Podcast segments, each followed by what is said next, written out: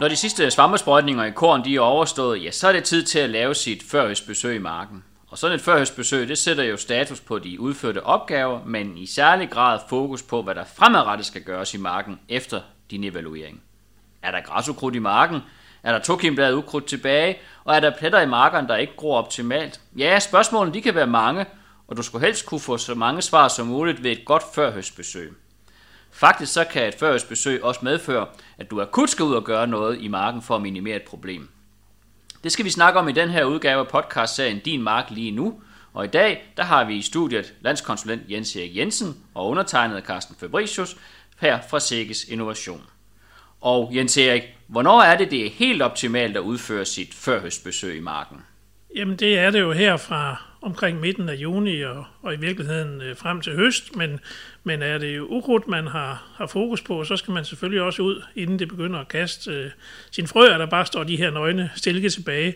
Så anden halvdel af juni, vil jeg sige, det er, er det helt, øh, helt optimale tidspunkt, hvor aksene kommer øh, for de fleste arters vedkommende op over afgrøden, og de er nemme at kende.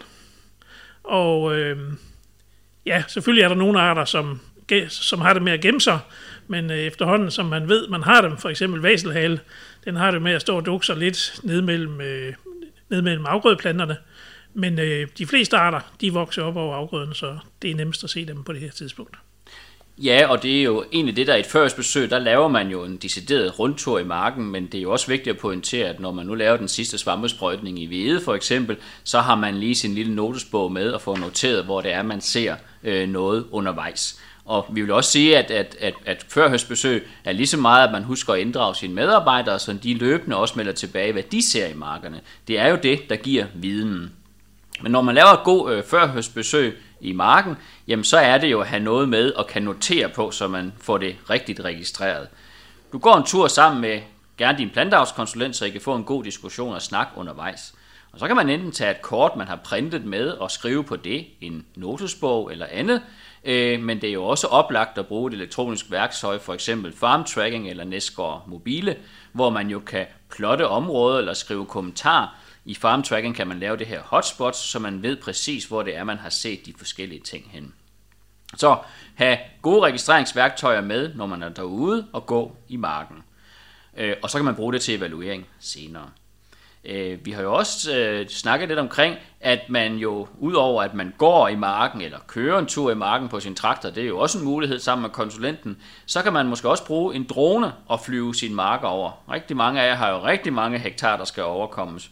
Men at man har en drone med og sætter dronen op, der flyver i lav højde hen over marken, det giver pludselig et nyt blik på, hvad det er, der sker i marken. Man ser det op fra og ned, og man kan faktisk spotte rigtig meget via dronen. Så det er også en mulighed fremadrettet at kunne bruge den her drone som et aktivt værktøj til at spotte ukrudt i marken. Men jeg ser, du var også lige inde på sådan, hvad der er, man kan begynde at se efter derude med væselhale eksempelvis og andet. Men hvilke præcise arter er det, det er vigtigst at gå og kigge efter på nuværende tidspunkt? Øh, jeg vil sige, noget, der giver sig selv, det er jo næsten flyvehaver. Den tænker vi ikke sådan på, når vi snakker græsukrudt normalt, men den skal jo lus væk ude i markerne, så den, den skal man selvfølgelig være rigtig meget ops på. Der er jo nul tolerance over for den. Men ellers så er det jo de grådige græsukrudtsarter, som øh, rejgræs, især den italienske, det er revhale og det er væselhale, som vi skal have, have rigtig stor fokus på. Og særligt hvor der ikke er pløjning, der er det er også vigtigt at nævne øh, hejarterne, øh, som, som man skal have styr på, hvis de er ved at dukke op, og man får lagt en strategi for at få bekæmpet dem. Og hvis man nu har det sådan, at man synes, det ah, det er måske lige lidt svært at kende nogle af de her arter fra hinanden, så kan vi jo lige rente om, at vi har en, en app, IPM-check, som man kan få både til Android-telefoner og til øh, Apple-enheder, øh, og som indeholder en masse gode billeder, som man kan bruge, og man kan indtaste kendetegn, øh, og så få nogle bud på, hvad arter det kan være. Ja, og øh, når vi nu har de her forskellige arter, vi skal holde øje med, jamen det, der er vigtigt, det er jo også lige at gå og tænke, hvad er det, jeg egentlig har sprøjtet dem med? Øh, og hvorfor er det så måske, de står tilbage? Øh, kan du sige lidt kommentar til, hvad det er, der kan være årsag til, at ting måske ikke har virket, eller, eller hvordan? Jamen ofte kan det jo decideret være for, forkert middelvalg i, i forhold til, til, hvad det er for en art, man har med at gøre. Altså, vi ved jo, øh, rækgræs og revhale, der har vi egentlig øh, gode midler, så længe vi ikke ser resistens til at behandle dem i foråret. Men mod sådan noget som væselhale, jamen der skal indsatsen ligge i efteråret, hvis vi skal have en god effekt der. Øh, så der er det tit øh, omsonst, vil jeg næsten sige. Man kan måske få en trykning af, af, af planterne i foråret, men så, øh, så vokser de igen. Øh, men man kan også sige, at forkert middelvalg, det kan også være uhensigtsmæssigt middelvalg i forhold til, at øh, der har udviklet sig resistens på et areal. Og det er selvfølgelig vigtigt, at man også får tændt en lampe ind i sit eget hoved med, at måske skulle man prioritere at få testet det her ukrudt. Øh, det kommer vi tilbage til om lidt. Og især hvis det er det udbredt i markerne, men det der jo er vigtigt ved førjøsbesøget, det er jo også at spotte de der små bitte områder, hvor græsukrudtet er begyndt at starte med at blive et problem. Det er sådan set det rigtig vigtige. Fuldstændig enig, og derfor så er det jo øh, også vigtigt, at man lige har ekstra fokus på de områder, hvor man kører ind og ud af marken, øh, og måske lave pletter, øh, kanter, op til, til naboer, op til hegn. Måske særligt, hvis øh, man har nogen, der lige har været en tand for aggressiv med redskaber som plov og have og så videre ude i sådan nogle hegn, så kan man få et rigtig godt andet sted for indvandring af ukrudtsplanter øh, derfra. Ja, jeg synes, et godt råd er jo også altid, når man starter sit førjøsbesøg, så hvis man nu kan huske tilbage, hvordan man høstede sidste år, hvor man satte skærebordet enten af eller på, så er det jo et rigtig godt sted at starte sit førjøsbesøg. Hvad er der egentlig drysset ud af majtaskeren, da man satte skærebordet af og på? Hvis, Måske kan man også vide, at der har været en halmpresser, hvor den startede hen, så har man en god indikation af, om der skulle være noget blevet slæbt ind i marken, man normalt ikke vil se. Og måske derved også en reminder om, at det kunne måske betale sig at lige gøre en indsats i høst for at få i hvert fald øh, nødtørftigt øh, rengjort sit høstudstyr, inden man kører ind i, i marker. Særligt de marker, hvor man ikke har et ukrudtsproblem allerede. Hvis nu man går derude og finder sådan en større eller mindre plet med græsukrudt, øh, og ser den nu her i starten af juni måned, hvor tidligt eller hvornår skal jeg så gøre en indsats, hvis jeg vil for alvor minimere det allerede her i år? Ja, man kan sige, det man, det man kan gøre i år, det er jo, øh, det er jo mest, at man kan fjerne frøsætningen, eller man kan undgå frøsætningen, for, fordi på det her tidspunkt, der har ukrudtet, hvis der er i store mængder i pletter, så har det jo allerede givet et udbyttetab, som man ikke kan, kan oprette. Og der er det jo vigtigt, at man får lavet en, en strategi, så man enten slår eller nedvisner på en sådan måde, at planterne ikke kan nå at sætte øh, spiredygtige frø og, og smide dem. Og øh, der har vi jo øh, nogle tommelfingerregler, altså fra, fra skridning til, til blomstring, der går fra en, en to til tre uger, øh, afhængig af, af, hvad det er for en art, man har med at gøre. Rejgræs og, øh, er nogle af dem, der øh, er, er forholdsvis hurtigt til at blomstre, og man kan så sige, at efter blomstring, jamen der går der yderligere en til to uger, før der kan være øh, spiredygtige frø. Så det er vigtigt i forhold til blomstringen, at man ikke kommer for sent ud. Og hvis man kommer lidt sent ud, så der måske kan være spiredygtige frø, så er det jo vigtigt, at man får fjernet plantematerialet, øh, øh, hvis man eksempelvis slår. Hvis man nedvister med glyfosat, jamen så kan glyfosaten have en, en virkning på spireevnen af de her frø, der sådan er ikke helt modne endnu. Men alligevel vil jeg sige, hvis det er en stor bestand, og det er tæt på modenhed, så skal man overveje, om glyfosat øh, er formålstjenlig også. Korrekt. Og øh, man kan sige, hvis man går turene og kun finder enkelstående planter, ja, så er det jo vigtigt, at man også lurer øh, rejgræs og revhale, som man lurer flyvehaver. Øh, få de der enkelte planter væk, hvis de står større områder, ja, så er det jo enten en brakpusser, der skal til, eller man skal nedvisse med glyfosat, som du lige sagde, Jens Erik. Øh, der er jo også nogen, der har sådan en lille øh, håndholdt weed wiper, man kan gå og smøre glyfosat på enkeltplanter øh, rundt omkring, så man får dem væk. Øh, det, der jo sådan set er vigtigt at sige, det er, at hvis nu man slår øh, med en brakpusser et område i sin mark væk, så skal man altså også der en, en 14 dage, 3 uger igen gå ud og se på, om der nu skulle være en ny fremspiring af en ny generation af græsukrudt. Fordi det kan faktisk godt nå at sætte en ny omgang levedygtige frø øh, inden øh, høst. Så sørg lige for, at man kommer ud og ser, om det skal slås en gang mere, og jo særligt inden majtaskeren kommer, så han ikke fanger dem øh, også for med. Fuldstændig enig, og man kan sige, at hvis man er ude i det der, det der gentagende slåninger, så kan det jo være, at øh, den tipper lidt på et tidspunkt til fordel for, at man måske vil bruge noget glyfosat. Det giver i hvert fald en oprydning fra dag 1 øh, yes. af. Det ser ikke så pænt ud med de gule pletter i marken, men det er faktisk ret effektivt. Nu snakker vi i græsukrudt og har været rundt om det, men øh, der kan jo også være nogle førhøstbesøg, der viser, at der faktisk er udfordringer med tokimbladet ukrudt i markerne. Så hvordan forholder vi os lige til det, Jens Erik? Jamen, tokimbladet ukrudt, det er jo, øh, vi har jo nogle kendte øh, arter, der øh, ofte udvikler resistens, og det er jo arter som øh, fuglegræs, det er kamiller, det er valmuer, øh, som er de, er de mest risikable arter der. Så dem skal man selvfølgelig kigge efter, hvis man, ja, hvis man går og kigger ned i sine afgrøder, man kan se, jamen, øh, stemmer og bilurter og så videre er bekæmpet, men der står sådan en tæt bestand af, af fuglegræs og griner en, så er det jo rigtig vigtigt, at man stiller sig spørgsmålet om, om de måske er blevet resistente over for de her ALS-midler. Øh, og så skal man jo samtidig overveje at få det testet, så man undgår at bruge nogle øh, forkerte midler det efterfølgende år. Øh, andre steder kan det være, øh, vi hører en del om, om øh, pileurter, der står tilbage efter sprøjtninger. Nogle gange har man måske øh, haft øh, lidt uheldig øh, middelvalg. Måske skulle man have haft lidt større fokus på, på noget starane eller, eller noget i sin, i sin blanding. Så det kan også give nogle gode øh, hints til, hvordan man skal justere øh, bekæmpelsesstrategien til det efterfølgende år på, på marken. Ja, så det er vigtigt og sørge for at have det hele under observation, når man er derude. Nu var du lige inde og røre ved det her resistens og udfordringerne, som vi jo ser desværre i rigtig mange marker øh, rundt omkring. Øh, jeg har græsukrudt, jeg har sprøjtet, men det har ikke virket. Giver det så ikke mening at teste alle de her marker øh, med græsukrudt, eller hvordan forholder vi os lige til det, og hvordan gør man, hvis man gerne vil have testet? Jo, jeg synes, der, jeg synes, der er alt for mange, man kommer ud til, som egentlig forholder sig lidt for passivt i forhold til, at der måske er massiv resistens derude.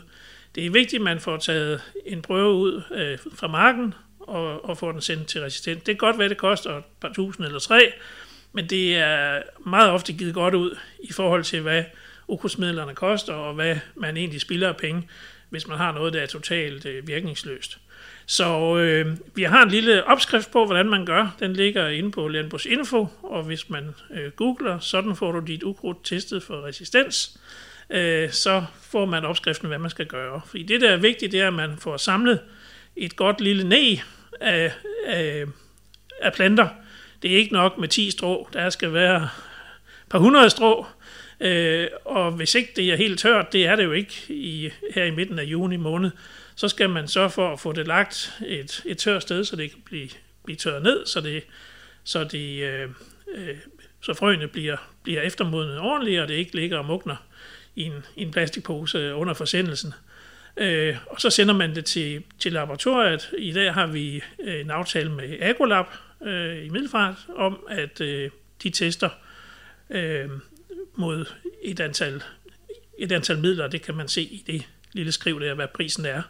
For det, vi har faktisk ikke fået den helt endelige pris for i år endnu, det er derfor, jeg lige, jeg lige øh, ikke nævner den.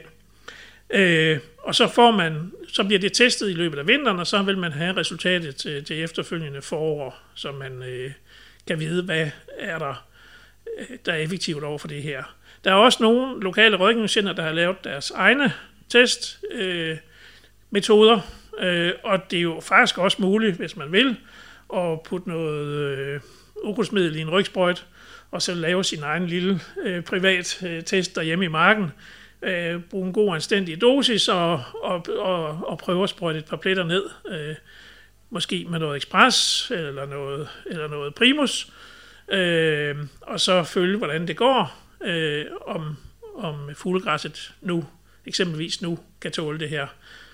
Øh, så kan man få et godt fingerpeg, uden at bruge ret mange øh, penge på det. Men det er jo også sådan, at hvis så man har noget, man har sprøjtet intensivt, og øh, det ikke har virket, så er det jo også her, at man skal til at tænke på at ændre sit sædskifte og snakke IPM, øh, og det er jo også faktisk en vigtig del af øh, førhøstbesøget, det er at evaluere på, hvor er jeg på vej hen øh, i mit markbrug, øh, bruger jeg egentlig de rette IPM-værktøjer med såtidspunkt og sædskifte, er mit sædskifte korrekt til det forhold til det græsokrudt, jeg har? Er det ikke nu, inden at man kommer ud over kanten, at man får ændret sædskiftet til en retning, der drejer sig mere vores sæd? Øh, så, så, så det er det, der er aktuelt, man har fat i på sådan et førhøjsbesøg. Det er ikke kun at gå og observere, det er også at have diskussion med hjem ved kaffebordet bagefter og sige, hvad er det, jeg skal lære af det, jeg så i marken? Udover det, så er det jo selvfølgelig også vigtigt, at man bruger førøstbesøget til at, ligesom at spotte, hvor man har man rødukrudt, og hvilke problemer man har med rødukrudt. Det er jo kvik, der også stikker op over afgrøden på, nu, på det tidspunkt her. Det kunne også være tisler. Og, og når man kan spotte dem tidligt, inden de begynder at blive et stort udbredt problem, så er det jo væsentligt nemmere at få bekæmpet, end først markerne bliver fuldt inficeret af rødukrudt hvis vi skal tænke på vores glyfosathandlingsplan, som vi har lanceret, så er det jo også det der med, at vi målretter vores anvendelse der, hvor det er nødvendigt, og vi bruger det, der er selvfølgelig nødvendigt, men ikke mere end det, og vi har en forudsætning om, at vi aldrig nogensinde må komme på bagkant med bekæmpelsen af rød krudt, for kommer vi på bagkant, så skal der store mængder af glyfosat til. Så sørg for at holde godt øje derude. Og ja, man kan gå og spotte, kigge og finde, og vi opfordrer jo også til, at når man nu finder og ser noget med sit øje, jamen så gå ind og brug Tisseltool.